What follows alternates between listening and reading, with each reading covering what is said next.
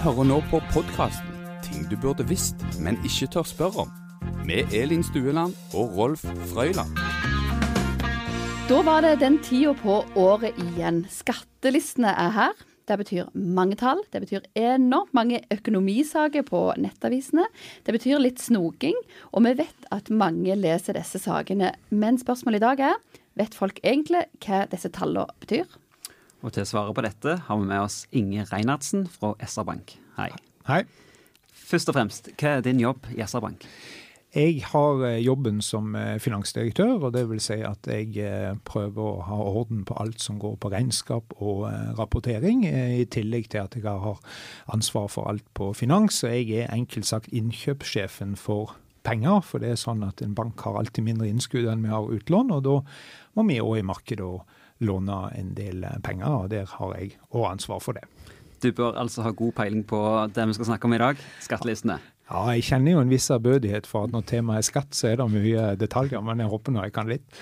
Der finner vi altså inntekt, formue og skatt som de tre punktene. Um, hva betyr de forskjellige tingene?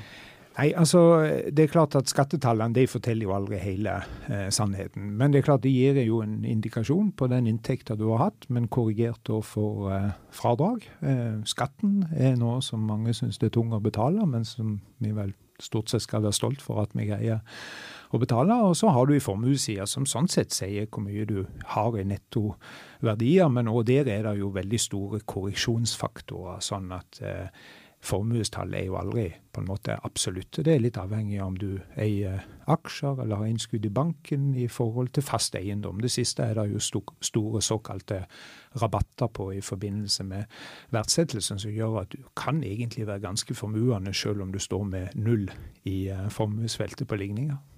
Og det siste punktet, inntekt. Hva sier det egentlig? Nei, Det òg er jo eh, et nettotall. Eh, utgangspunktet for de fleste av oss er jo at vi har lønnsinntekt, vi har kanskje noen fordeler utover det som blir rapportert inn brutto, men så har vi kanskje litt gjeld som vi får fradrag for på renter. Der er forskjellige typer fradrag for om det er kjøring hjem arbeid hvis du har lang avstand. Sånn at det tallet som vi ser i Skattelistene det er jo et nettotall eh, etter disse fradragene er trukket ifra. Så det tallet er liksom aldri lik bruttolønna eh, til den enkelte, hvis en er interessert i å se på tallene ut ifra det. Skal bare oversette netto og brutto? bare sånn det blir helt klart. Ja, altså brutto, da tenker jeg at den lønna som de fleste av oss da har fått ifra arbeidsgiver, men det kan godt være inntekter fra salg av aksjer hvis du har hatt eh, gevinst. Og så har du da en del fradrag, og det er jo netto nettoen, altså når du tar den store summen minus disse fradragene, det er jo nettoen av det som blir gjenstand i utgangspunktet for beskatningen. Mm. Og det er den som står i skattelistene? Ja, det er den vi kan lese i uh, skattelisten. og Derfor så, så, er det et tall som inneholder egentlig mange, mange faktorer før du kommer til det tallet. Men kan du da strengt tatt legge sammen inntekt pluss skatt, og så får du bruttolønna til folk?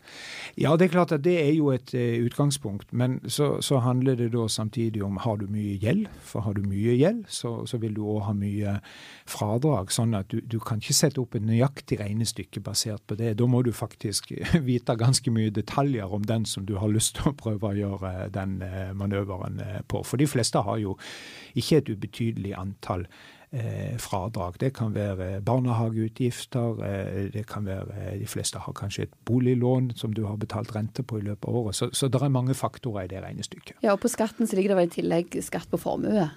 Det har jo òg eh, noen, eh, men da må du ha en kan du si, denne skattepliktige formuen etter de verdsettelsesrabattene som har vært på fast eiendom osv., som, som, som er over det fribeløpet som, eh, som en har. Så reelt sett så er det jo mange flere nordmenn som er formuende i betydning har en formue større enn null enn det som kommer fram i skatteligninger. Mm. Så vi, vi, journalister liker jo å, å, skrive i titler og store tall og sånn, men det tallet vi bruker i tittelen er nødvendigvis ikke det helt uh, korrekte? da? Nei, hvis en tenker på formue, så kan du nok garantert gå ut ifra den personen som du omtaler formuen på, reelt sett har langt større verdier enn det som kommer fram i formueskolonnen på selvangivelsen.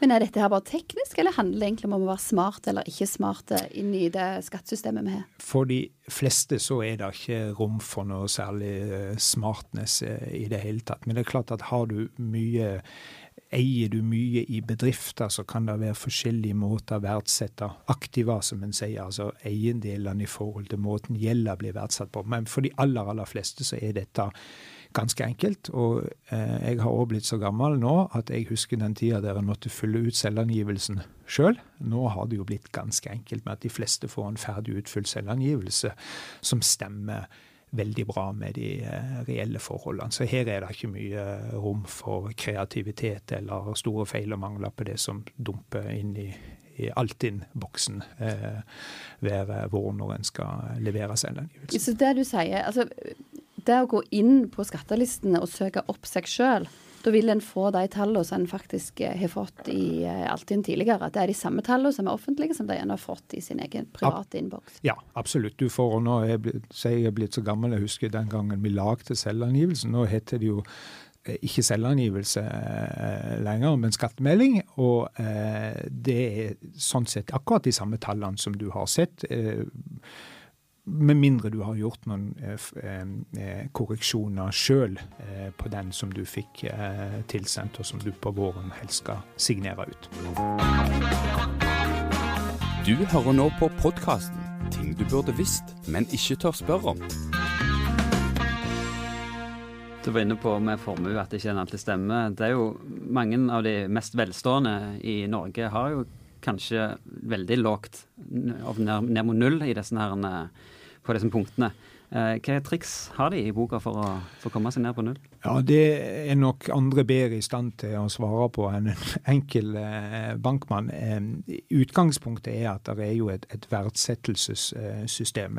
De fleste som eier fast eiendom, vil jo, hvis en sjekker bare på sitt eget hus, eller om en har ei hytte, så vil en jo se at det har sannsynligvis en betydelig lavere verdifastsettelse i, i skattemeldingen enn det som du mener er den reelle markedsverdien. Så på alle disse postene så finnes det liksom et sett av rabatter, som en sier, at du skatter ikke av den fulle formuesverdien. Men, men, det er derfor tallet null er ofte litt fortegnende med at mange har større formue reelt sett enn det tallet indikerer. At det er mye penger gjemt i eiendom, på en måte, hvis du leser fra listene? Ja, dette er jo for så vidt villa fra politikerne. Det er jo sånn at ca. 85% av oss nordmenn eier sin egen bolig. Og det er jo et politisk mål om at det skal være gunstig å eie bolig. Blant annet har du en leilighet som står for mindre enn 50% av verdien av eiendommen, så kan du leie ut uten å betale skatt. Da har du først fått fradrag på eventuelle gjeldsrente, men du trenger ikke betale skatt.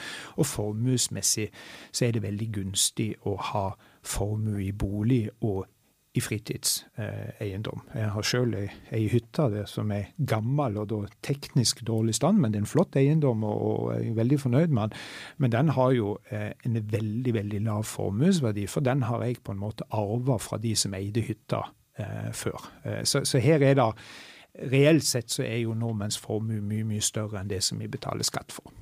Men si at jeg syns at jeg betaler for mye skatt. Hva, hva triks har jeg for å prøve å få ned eh, skatte andelen min? Ja, det, det, det, gode i et land som Norge er jo at muligheten til å, å være kreativ og sånn sett unndras beskatning er jo veldig lav, heldigvis. Eh, vi har en stor statlig sektor, men vi har òg nytte av et bredt tjenestetilbud, så, så det er viktig at, at alle betaler skatt. Eh, er du ung, så kan du f.eks. ha boligsparing for ungdom. Eh, nå har jeg eldstemannen min, han er 21, og han har vært flink og jobba og kommet over frikortbeløpet, og da har han startet starta boligsparing for ungdom, der du eh, kan eh, få et fradrag i skatten på opptil 5000 eh, i året. Det finnes andre spareordninger for oss voksne som går mot pensjon, altså at du får fradrag for det som du setter av og skal eventuelt bruke som pensjonist. Men stort sett så er det heldigvis veldig liten mulighet for, for kreativitet, i betydning at du skal unndra inntekt du har fra beskatning.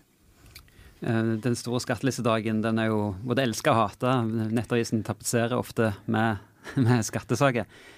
Um, hvorfor er det viktig at disse skattelistene åpner for media? Ja, Det er det jo veldig delte meninger eh, om. Det er jo de som mener at dette er kun grafsing i andre sin privatliv. Eh, inntekt og formue det er en privatsak og, og, og burde vernes bedre om. Eh, det er jo interessant i disse personopplysningsverntider, der en skal være veldig forsiktig med, med informasjon som en sprer rundt. Eh, men, men foreløpig så har jo en da valgt at dette skal være offentlig tilgjengelig. Klart Går vi noen år tilbake, så, så, var jo alt helt tilgjengelig for alle. Det er det jo i prinsippet ennå, men nå legger du òg igjen spor. Hvis du er inne og sn snoker på, mm. på, naboen eller, eh, eller, venner. Så det har nok gjort at interessen er mindre, bortsett fra sånn som jeg forstår at dere i media har tilgang på kanskje de 100 Eh, med høyest inntekt i hver kommune, fordi en anser at det har en nyhetsinteresse. Men litt av tanken var vel tilbake til i tid at dette med å, å Hvis noen hadde et levesett som ikke var forenlig med det en, en, en sto fram med i inntekt og formue, så, så, var jo det kanskje en indikasjon på at det var inntekter som ikke var blitt gjenstand for beskatning, og dermed at vi skulle ha en viss form for sosial kontroll på hverandre at, at, ikke noen eh, levde i sus og dus og, og hadde gjort det fordi de unndro eh, midler fra beskatning. Så det er en litt sånn sosial gapestokk i flere betydninger med, med offentliggjøring av tallene. Men tenker du at den eh, funksjonen der eh, fungerer sånn som det er i dag? Ja, det, det, det, det, vil være delte meninger om det. Utgangspunktet er jo at det, er ganske vanskelig å unndra eh, lønnsmidler og sånne ting ifra, eh, fra beskatning. Så heldigvis så tenker jeg at et godt utbygd eh, skattevesen og samfunnsfunksjoner gjør at muligheten for å unndra er, er, mye mindre. Og jeg tror nok at nå som en legger igjen et spor, at en har vært inne og sett på folk, så tror jeg nok at det fikk et betydelig mindre omfang av den type eh, kontroller. Eh, og dermed så, så, så, ligger det veldig kort an kanskje at hele ordningen med offentliggjøring står litt sånn eh, forfall, hvis en skal se på hvordan det var tilbake i tid. Hvis jeg har et uh, kredittkort med gjeld på 50 100 000, er det lurt av meg å betale det ned før nyttår, eller er det best å vente til etter nyttår? Ja, I utgangspunktet, eh, den type gjeld er jo gjenstand for høy rentebetaling. og Da gjelder det gode gamle rådet kvitte med den type gjeld så fort som mulig, og vær helst veldig restriktiv med deg sjøl eh, før du tar opp den type eh, gjeld. For, for, for mange så er det en veldig belastning i uh, hverdagsøkonomien. Du, du, har et lettsindig øyeblikk å ta på deg gjeld, men når det skal betales tilbake og attpåtil med høy rente, så er det utfordrende for uh, mange. Men skattemessig så vil ikke det ha noe betydning om du betaler tilbake før eller etter nyttår. Vil det vise igjen på skattelistene året etterpå? Eh, ja, det vil jo det. I, altså, I prinsippet så kan du si at hvis du tar, eh, hvis du tar kontanter og betaler inn ei gjeld, eh, så er jo nettoeffekten av det for så vidt eh, null. Og, det, og, det, i med at formuestallet som kommer fram er et nettotall, altså det er dine eiendeler fratrukket gjeld, så skal egentlig ikke da eh, de offentlige tallene der tilgjengelig bli påvirka i det hele tatt om du flytter nå fra en innskuddskonto til å betale en gjeldspost. Eh, så det viktigste for deg er nok at den renta du betaler løpende for hver dag du har det lånet, er mye høyere enn du liker å tenke på, så da er det lurt å bli kvitt det.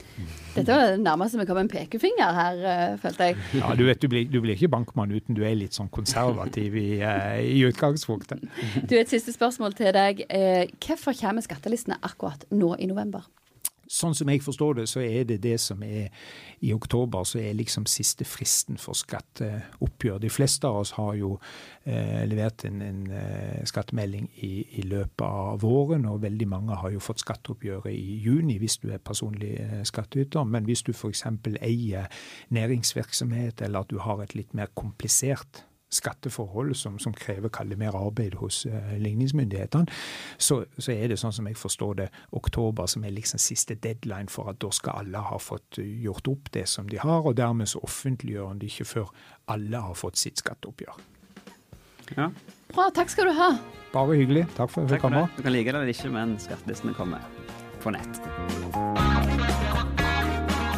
Du burde visst, men ikke tør spørre om, er en podkast fra Stavanger Aftenblad med Elin Stueland og Rolf Frøyland. Teknikk og redigering Rune Vanvik, og musikken er laga av Philip Blau. Ansvarlig redaktør i Stavanger Aftenblad er Lars Helle.